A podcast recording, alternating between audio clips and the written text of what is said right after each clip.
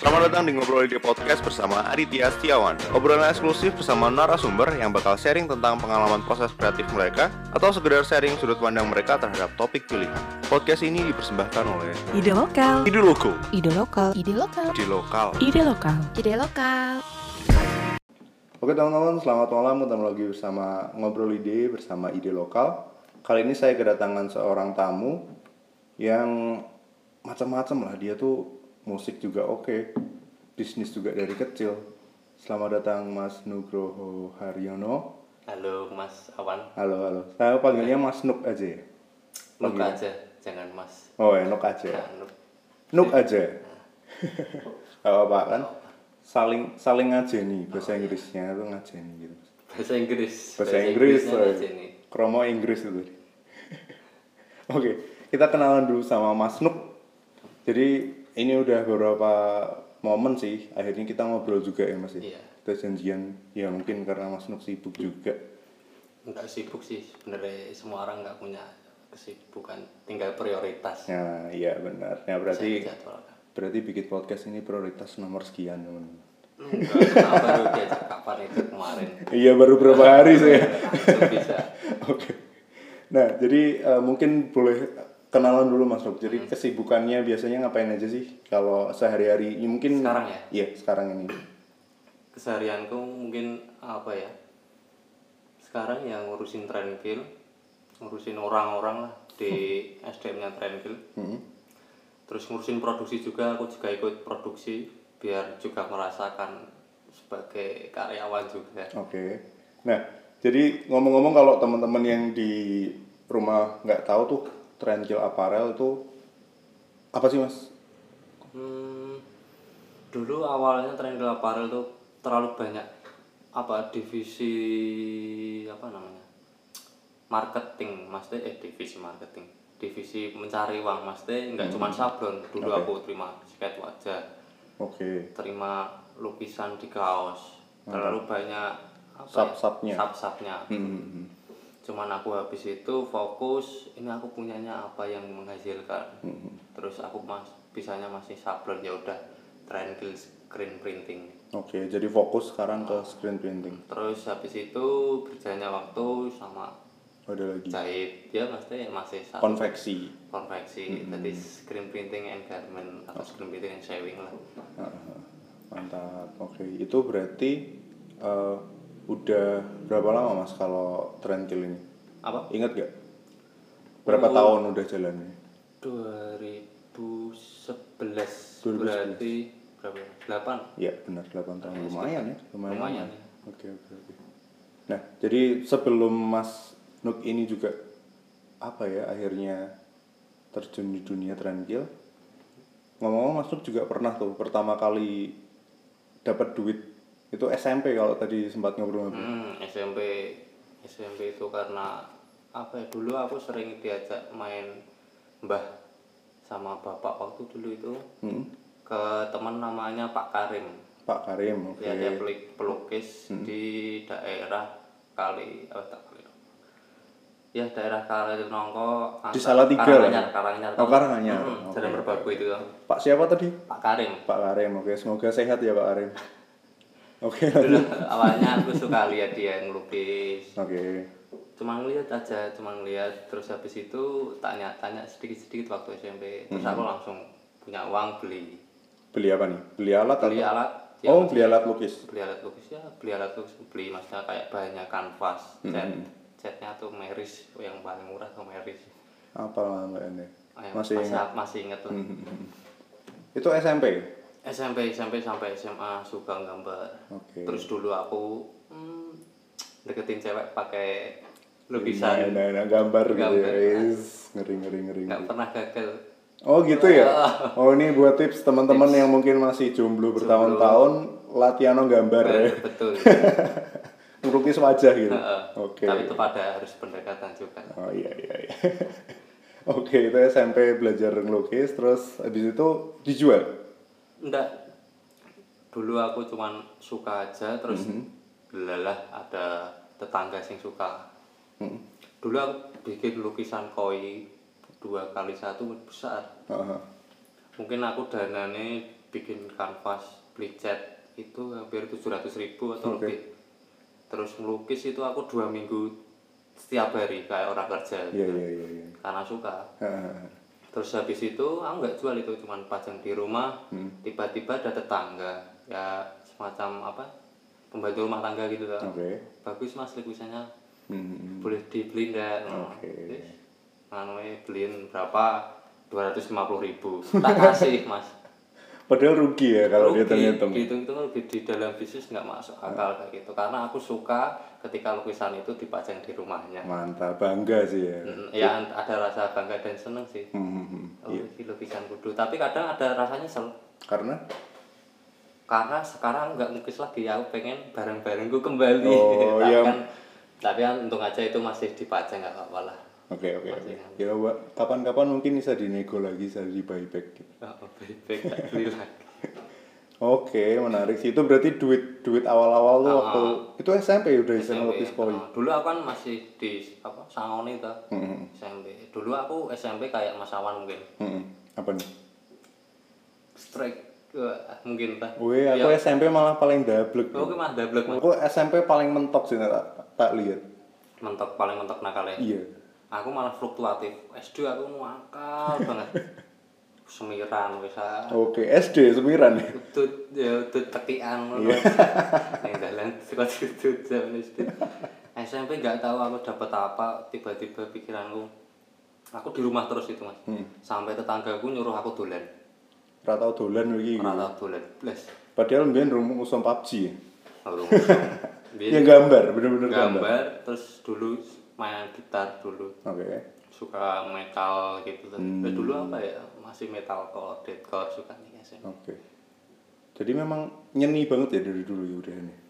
Bisa Nggak dibilang. tahu nyeni atau enggak Ya itu tadi ngelukis terus udah gitar Iya. dari SMP. Mungkin mesti ngisi-ngisi pensi ngono loh.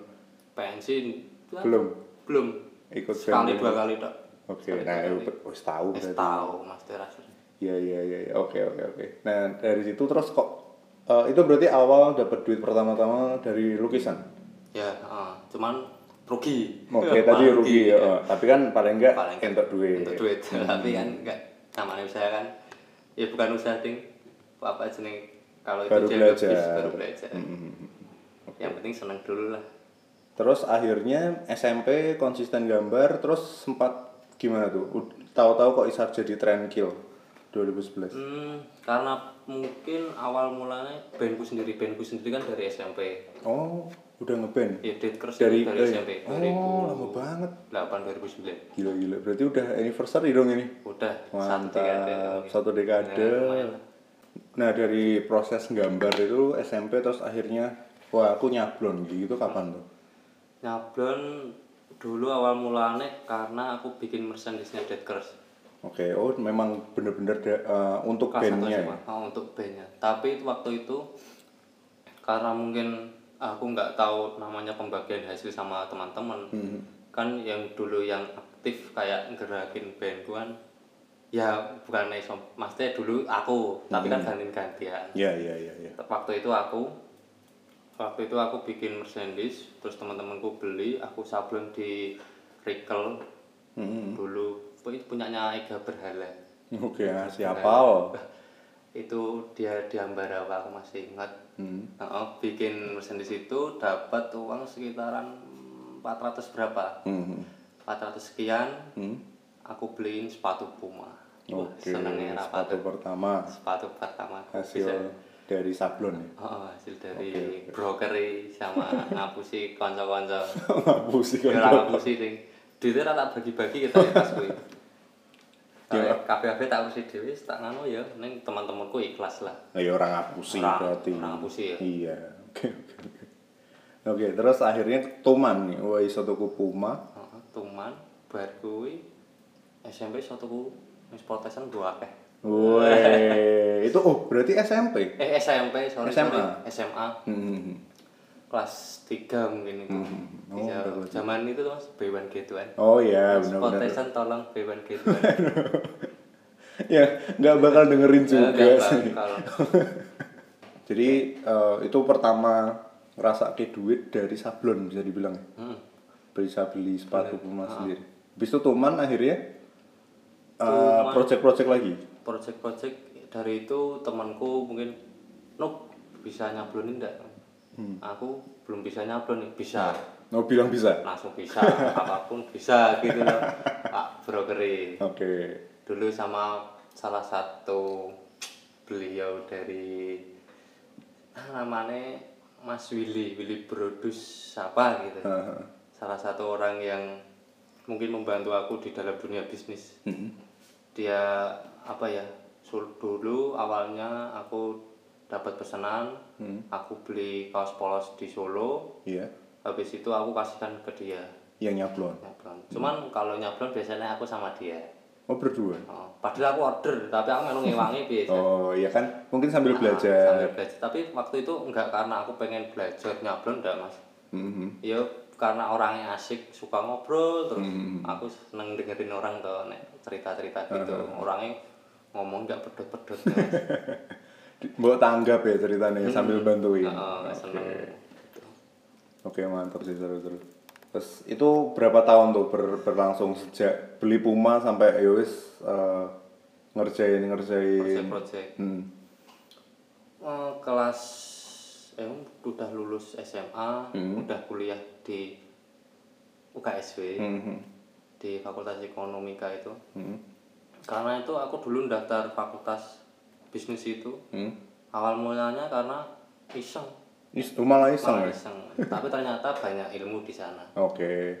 dulu Nah, emang ini aku dulu ya mas Mhm. bukannya mungkin orang kuliah pengennya dapat ijazah kerja betul, betul, betul. kalau aku dulu pengennya nyari ilmu udah titik Iya, iya, iya. Aku setuju tuh. Aku setuju. Kan makanya nggak lulus lulus terus ketika udah dirasa cukup ilmuku dirasa udah bisa apa melakukan bisnis Hmm. di luar nggak usah mungkin belajar di luar sudah jadi apa bisa lah lewat YouTube lewat teman betul. akhirnya ya udah stuck skripsi nggak tak kerjain Tapi kerjain sih, Bro. Iya. Lebih lebih apa ya? Lebih leluasa aku nganggep nganggep kuliah tuh kayak lari maraton gitu. hmm. Ada yang bisa finish sampai 15 kilo, iya ada yang sampai half maraton tuh 21 kilo setengah maraton. Kalau yang maraton tuh 42. harus 42 berarti Iya.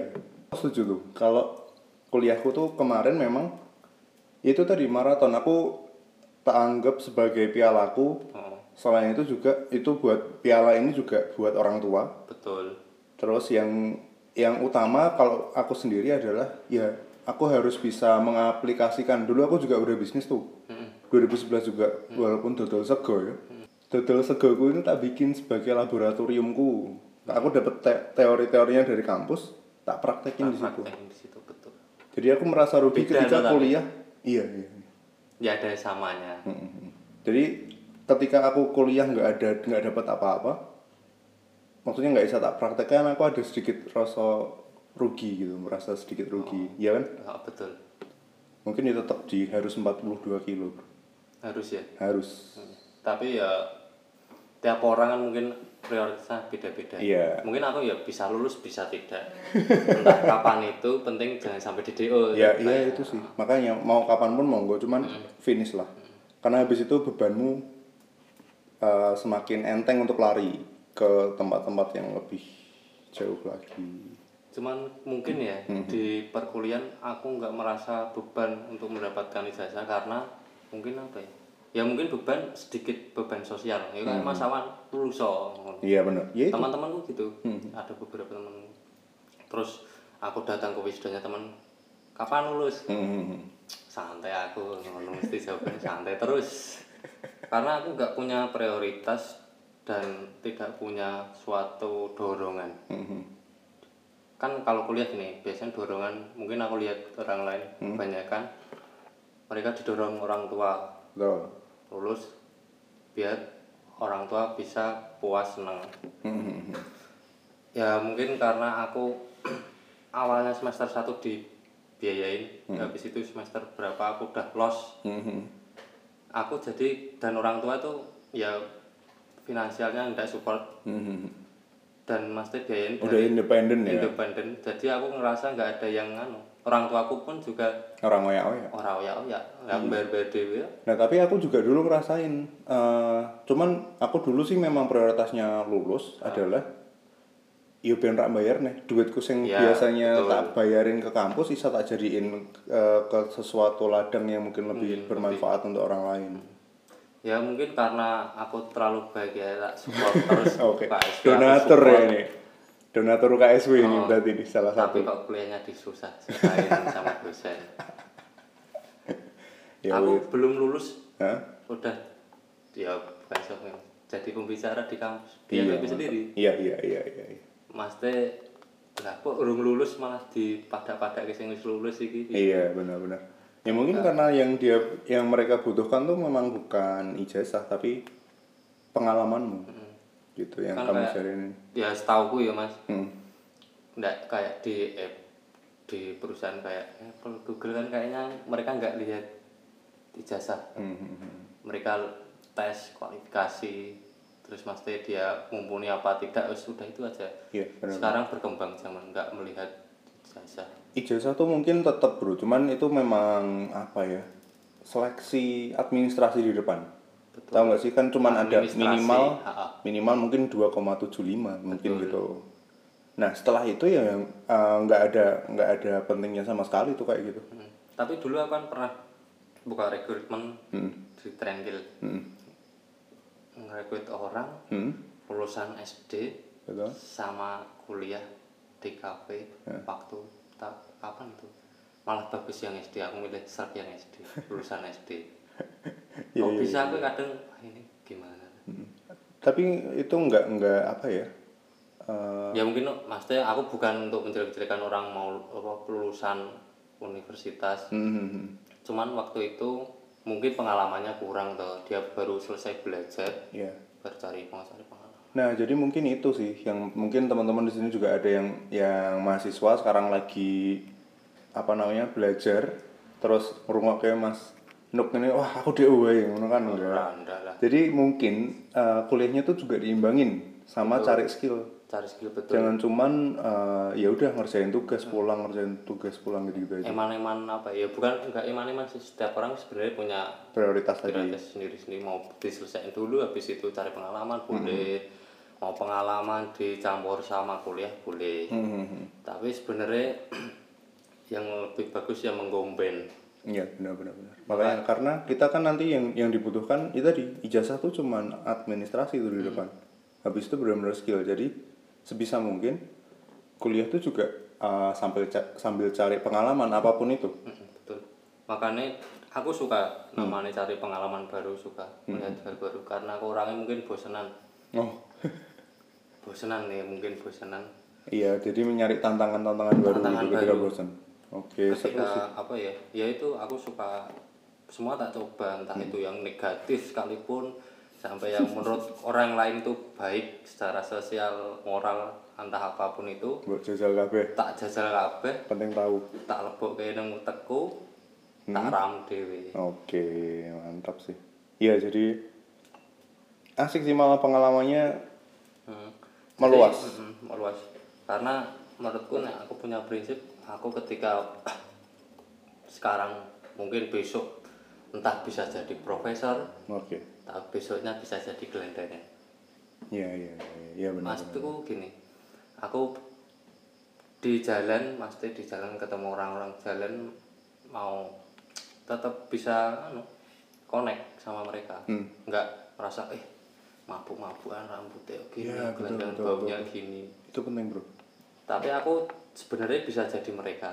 Ketika itu aku bisa jadi mereka. Aku nggak mandi pun bisa. Hmm, hmm, hmm. mau minum ciu tetap tak gas tak, tak gas.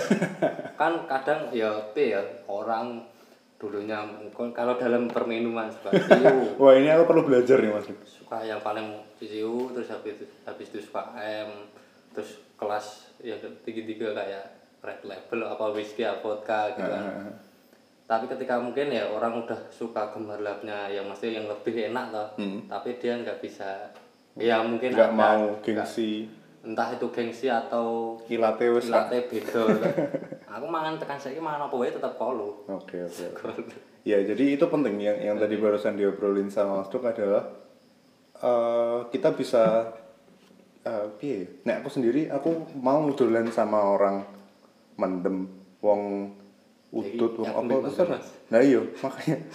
Eh, aku tuh nggak nggak nggak nggak masalah maksudnya Salah. yang penting tuh kalau aku pribadi memang harus punya filter. Ya gitu. Cuman ya udah nek temen ya wis konco-konco kayak apa wae ya di kudune bisa. Karena orang yang cerdas itu kalau prinsip saya juga Mas Nuk itu bisa menempatkan diri. Jadi ketika ketemu sama wong mendem ya wis kita ngeblend bisa bisa menempatkan di situ. Gitu-gitu sih. Cuman kadang aku itu ya mungkin aku nggak punya filter. Mungkin aku sama teman-temanku ya mas jujur Hmm. ini mas. Nggak punya privasi. Oke. Sama sekali menurutku aku terlalu entah itu kejujuran. Jadi orang tanya pun aku jawab sejujur-jujurnya. Maksudnya aku nggak bisa menutup-nutupi semua apalah soal seks ataupun yang yang buruk-buruk menurut pandangan orang. Ya aku ceritain semua. Ya udah ya nggak apa-apa. Hmm. apa-apa. Jadi itu jadi mungkin- orang jujur tuh paling enteng men. Ah enteng banget. Iya kan? Ah, kamu inget gak pernah bohong apa pun mungkin masa kecil atau apa gitu? Itu kan kita harus beban beban, mengingat kebohongan kita tuh. Ah, menutupi atau hubungan Nah. kadang. Jadi yus memang jadi apa adanya tuh paling paling. paling oke mungkin itu tadi pengalaman dolannya Mas Nuk dan kuliahnya Mas Nuk ya? Kita balik lagi tadi ke Trendkill ya? Iya. Kalau selama menjalani ini pernah nggak sih punya eh, apa sih fase kayak punya tantangan paling berat gitu? Udah kayak wah ki kok ngene men? gitu. Ada nggak fase-fase kayak gitu? Mungkin kalau dipikir-pikir banyak. Memang banyak ya? Cuman karena aku orangnya pelupa hal-hal buruk jadi lupa. Waduh. Oh ada ada bagusnya juga ya Ah, jadi pelupa ya? pelupa ada bagusnya. Aku mungkin banyak apa ya kebanggaan Hmm. atau apa keba- banyak kebahagiaan tapi aku tidak mampu untuk mengingat seberapa bahagianya waktu itu. Hmm, dan punya pada saat itu sedih.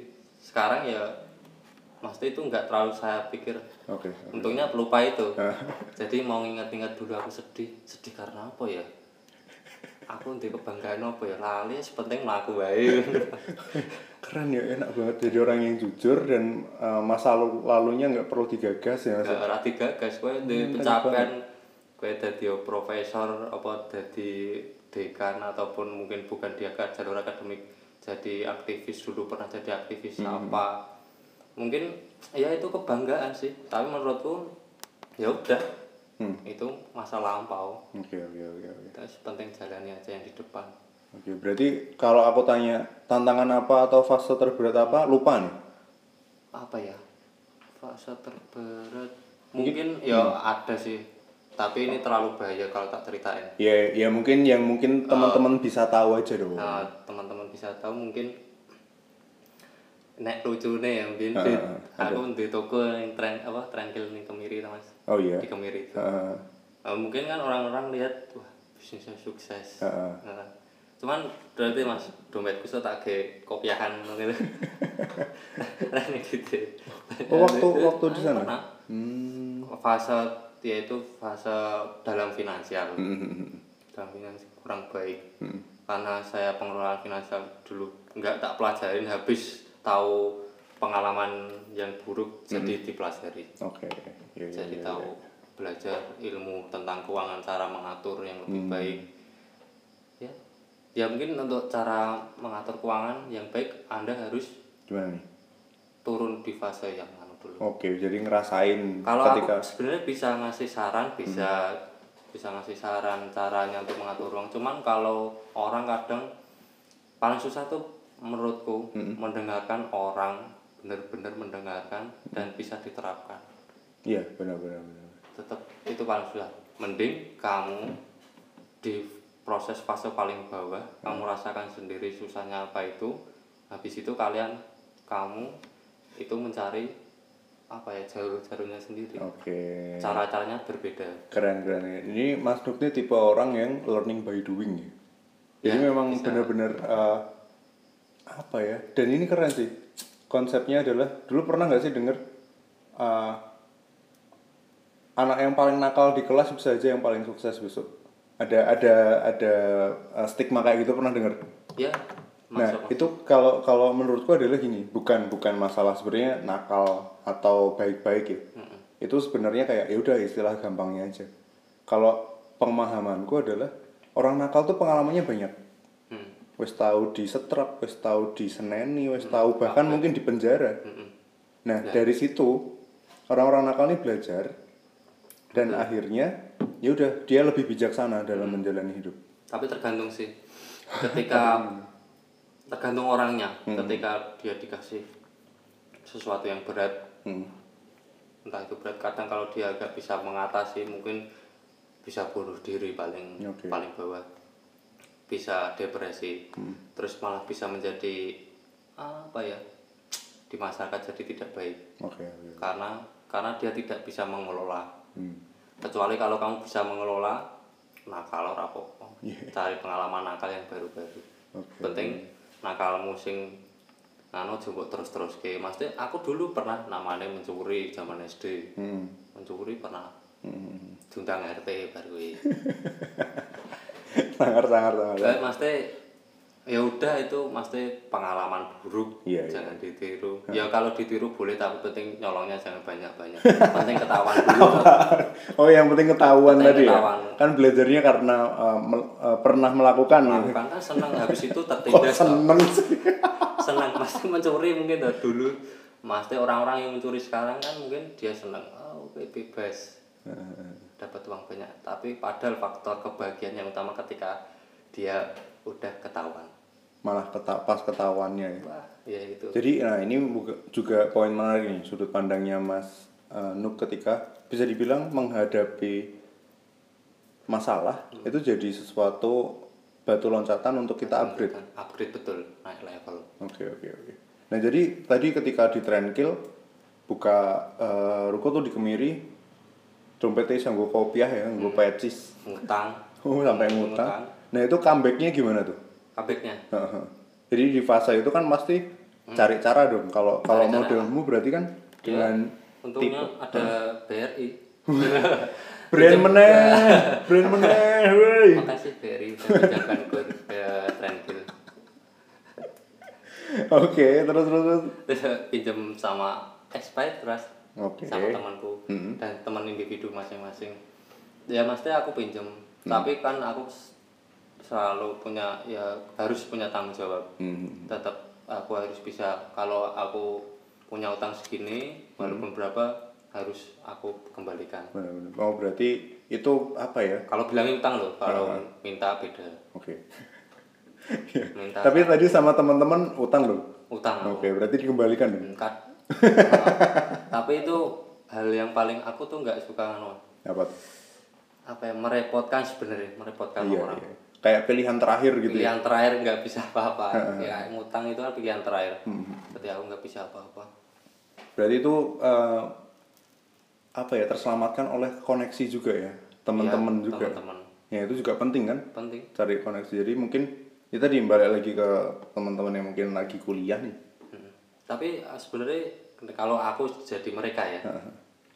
Ada orang ngutang nggak dibayar kadang aku malah yes rapopo ini mas tenan dulu aku zaman terlalu mungkin pure terlalu gampang memberikan utangan dulu mas pas main tak beri berikan tak tulis gue ngasih akeh ini Rak kroso ya. tak kroso. Oke. Sampai sekarang nih. Ah, kan tak di dalam dunia Islam Oh iya. harus di, ditagih terus sampai tiga kali Iya benar benar benar. Ha, ha, ha. Wah kok keren ya ini. Tapi Nuk nih bener-bener kamu dari ujung ke ujung dipelajari ini. jalur izin pasti Hmm. aku ikhlas ah, gusti ya wis lah rasa aku.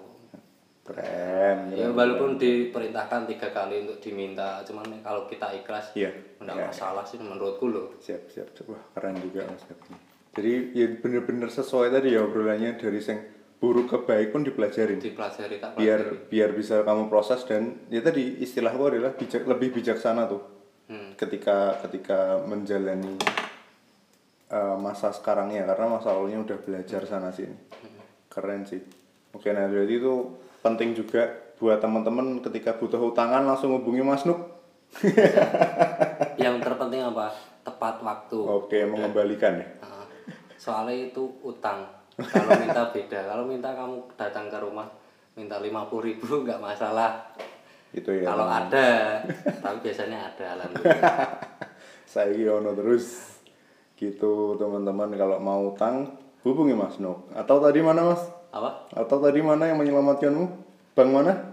bang BR Waduh, keren juga ini.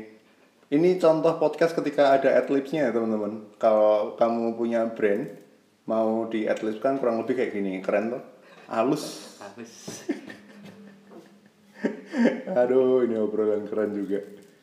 Nah, aku mau tanya-tanya nih. eh, setiap orang punya jawaban beda dari pertanyaan ini. ya ya Jadi ada yang, eh, ini pertanyaannya. Menurut Mas Nuk tuh definisi sukses tuh apa? Ada, ada macam-macam kan? ya ada banyak banget kalau yang mainstreamnya ketika mereka udah punya nominal sekian mungkin Ah. Ada juga yang mungkin nggak ngejar nggak ngejar finansial tapi ada yang ngejar mungkin dia sebagai pengajar jadi dia pengen meluluskan orang em, meluluskan orang-orang yang memang bermanfaat untuk sesamanya gitu gitu nah kalau definisi suksesnya Mas Nuk nih apa nih? Aku sukses sudah. Mungkin tak pelajari udah dari lahir aku udah sukses. Ya. Oh, yes. udah udah Gimana udah badanku komplit udah alhamdulillah Hmm. maksudku sukses itu beda-beda setiap orang. Aku terlalu banyak konsep sukses. Hmm. itu sama konsep kebaikan dan kejelekan itu sebenarnya hampir sama dengan konsep sukses. Jadi kalau sukses gimana ya suksesku? Hmm, mungkin aku bisa mempelajari orang salah satunya. Hmm.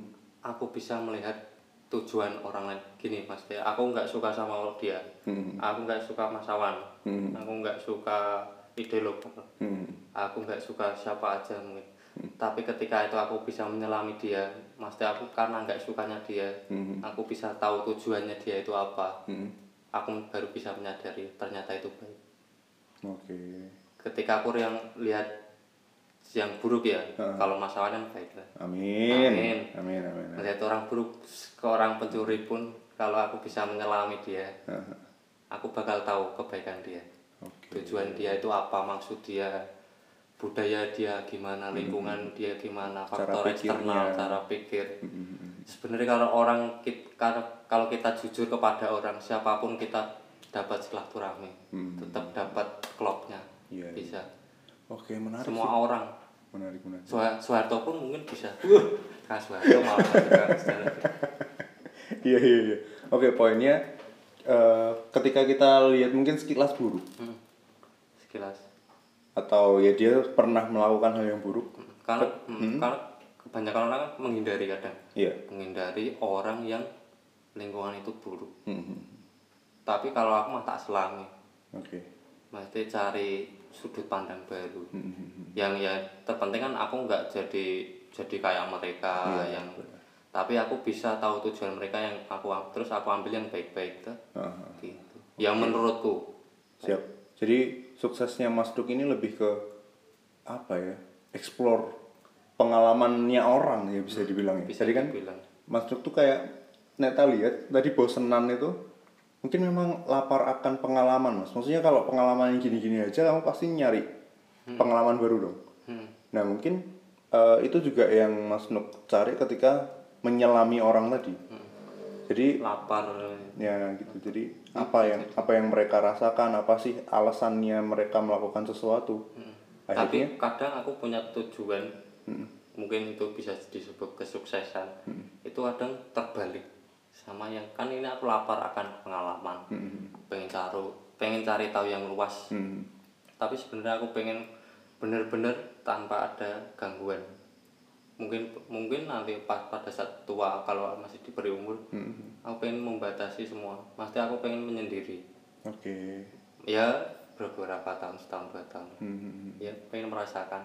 Kayak dulu lagi pada waktu SMP Mantap. Aku merasakan aku di titik dulu SMP merasakan kebahagiaan ketika tidak kenal banyak orang Hmm. ya kenal cuma lingkupan keluarga aku cuma memandang kanvas Oke, dan tinta oke, aku oke. udah merasa bahagia merasa mungkin sukses ataupun itu Hmm. jadi mungkin sukses itu bisa diambil di, dari mana aja Siap, siap, siap. Keren sih. Iya, iya ini apa ya? Apa sudut ya? pandang yang aku bingung mungkin. sudut pandang yang aku tahu baru tahu ketika ngerekam podcast ini. Jadi sebelumnya kita kan mungkin ketemu ya wes halo-halo dok. Mas. Nah itu juga salah satu tujuan bikin podcast ini adalah biar teman-teman tuh juga kenal Mas Nuk tuh kayak gimana. Karena mungkin ada orang yang membranding dirinya Hmm. sebagai A. Hmm. Aku tuh musician. Hmm. I'm a skateboarder. Hmm. I'm web developer dan sebagainya Hmm. dari teman-teman. Hmm, Kalau aku pribadi mungkin nggak tahu aku tuh apa. Hmm. Aku masuk mana ya? Karena semua mbok Eh, aku jadi bingung. explore. Eh, aku harus kelari ke dunia bisnis terus menjadi bisnismen. Tapi aku kayak nggak seru bisnismen tok. Aku Iya, harus pengen aja. Ada. Jadi aku nggak menobatkan diriku menjadi siapa pun. Tapi aku punya punya mungkin ini titel buat Mas Mas Nuk nih. Kayaknya memang kamu pemburu experience tadi sih. Hmm, apa titelnya? Iya tadi pe- pemburu pengalaman. Pemburu pengalaman jenenge. Iya, orang yang selalu lapar untuk nyari pengalaman baru. Kayak ketika udah sampai puncak gunung, ya udah, oh ini nih udah sampai puncak nih. Iya, mana lagi nih yang lebih tinggi? Hmm, Atau paling enggak mana nih yang aku belum pernah? Iya. Gitu. Ya mungkin bisa. Jadi memang ada ada apa ya jiwa jiwa petualangnya dalam dalam arti bukan nggak harus petualang alam kan Iya, betul. petualang pengalaman tadi dan ini keren banget teman-teman eh, narasumber yang mungkin kalau kita denger di awal tadi mabuk lah apa lah gitu-gitu. Cuman coba setelah teman-teman dengerin sekarang bisa bisa tahu tuh bisa setelah menyelami kayak Mas Nuk tadi kita bisa paham ternyata keren juga ini narasumber kita kali ini. oke oke oke oke. Nah eh, mungkin ada closing statement mas. Kita udah di ujung podcast nih. Aduh, apa ya? jadi mungkin saran aja kalau buat teman-teman yang mungkin sekarang lagi jadi pelaku kreatif yang mungkin sedang berjuang nih, mungkin lagi stuck di pekerjaannya atau lagi struggle di uh, prosesnya, sudah mulai ragu-ragu mau nyerah lah apa. Nah, ada saran nggak untuk mereka? Saranku apa yang ada di pikiranmu jalankan aja. Ketika kamu pengen beride kreatif silahkan. Kalau kalian untuk pengen bersenang-senang mabuk bers- silahkan karena di dunia ini ya harus perlu semua itu. Ketika orang pengen jadi bisnismen, pengen jadi pengusaha, terus konsumennya siapa? Terus ketika orang pengen jadi pejabat, rakyatnya siapa? Oke. ketika apa ya nggak ada yang pengen punya perusahaan beras mungkin petaninya siapa petaninya siapa jadi mungkin ya yang ada di pikiranmu itu jalankan. Setiap orang punya pikiran masing-masing punya keluasan masing-masing. Punya mimpi Hmm, masing-masing. tapi yang terpenting keluasan. Keluasan diri. Oke. ketika kamu menurutku loh ini Iya, kalau di dalam di kamu bisa jadi pengusaha beras terus besoknya bisa jadi petani. Pasti itu dan anda tetap senang menjalankannya. Hmm. Jadi tidak melihat materi mungkin Oke.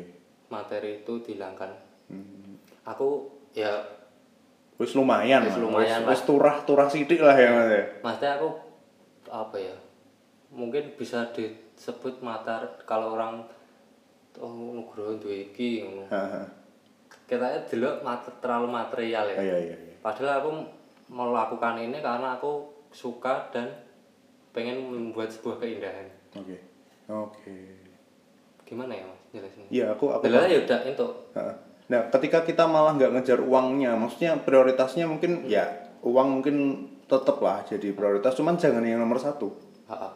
Ketika prioritasnya itu adalah niat yang baik, niat yang baik nanti duit ngikut juga tuh. Hmm, tergantung pijakan awal menurutku ke kalian ketika mau berbisnis atau bersosial pijakan awalmu tuh apa ketika aku mau bisnis mau profit oriented visinya yang cocok profit.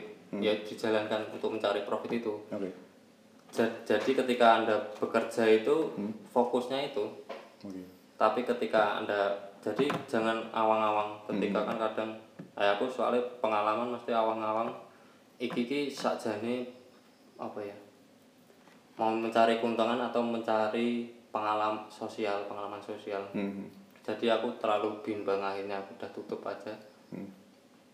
karena apa ya kalau ketika anda udah aku ingin jadi aktivis lingkungan aku pengen bersihin tiga Hmm. seutuhnya Hmm, hmm, hmm. ketika anda punya komit punya visi itu anda menjalankan pasti dengan rasa bahagia Iya, benar-benar. anda menjalankan terus ya senang ya ini memang tujuan saya Oh, iya.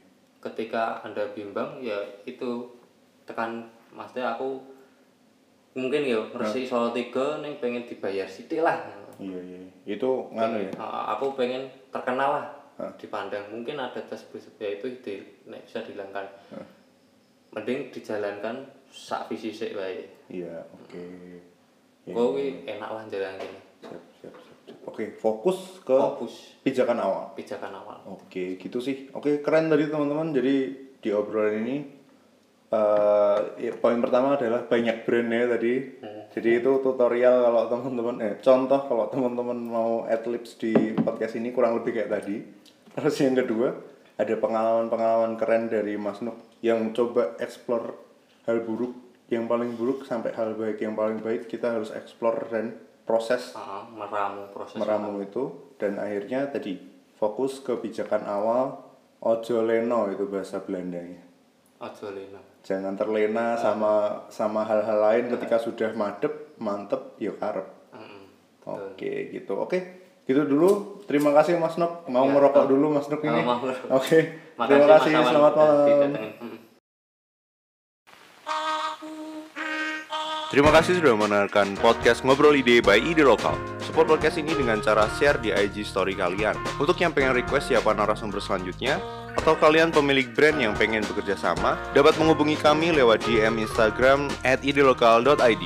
Until next time, be kind.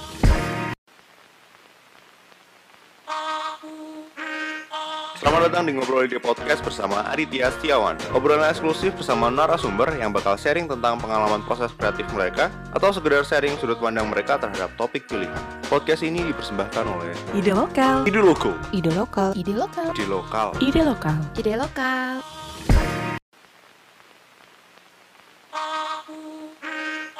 Selamat datang di Ngobrol Ide Podcast bersama Aditya Setiawan Obrolan eksklusif bersama narasumber yang bakal sharing tentang pengalaman proses kreatif mereka Atau sekedar sharing sudut pandang mereka terhadap topik pilihan Podcast ini dipersembahkan oleh Ide lokal, Ide Loko ide lokal, Ide lokal. Di Lokal ide lokal. Ide lokal.